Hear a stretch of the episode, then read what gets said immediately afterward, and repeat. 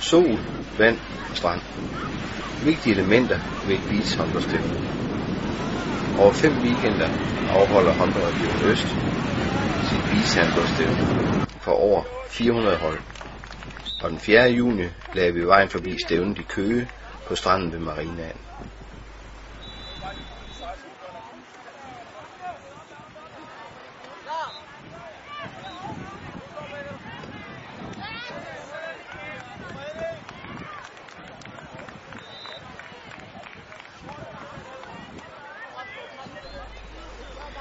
En af de mange spillere, vi mødte på stranden, var Benjamin Svendsen.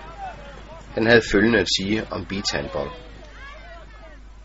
Vi er nede og spille øh, strandhåndbold, og vi gør det jo egentlig bare for sjov, og jeg synes egentlig, det er okay. Så Hvad er det, der er sjovt ved strandhåndbold? bare det med, det er lidt, det er lidt svært at spille på sand, og så er man egentlig på chancen, og så det med, at man kan lave træk og det der, og så får man ekstra point, og ja, bare, bare det er noget anderledes at prøve, så det er ret sjovt. Er det første sæson, du spiller det? Ej, jeg tror, det er tredje, fjerde, fjerde, fjerde gang, jeg er her. De omtalte smarte tricks og to point scoringer er jo ikke alt, der sker ved sådan en strandstævne. Der er også tid til lidt sjov ved siden af. Som her for pigerne fra Hallo Jorden håndbold. De mener også, at træneren de skal en tur i vandet.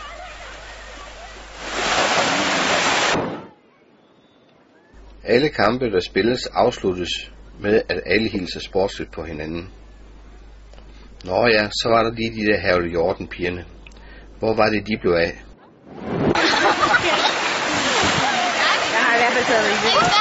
Hvorfor, hvorfor spiller I strandhåndbold? Fordi det er sjovt.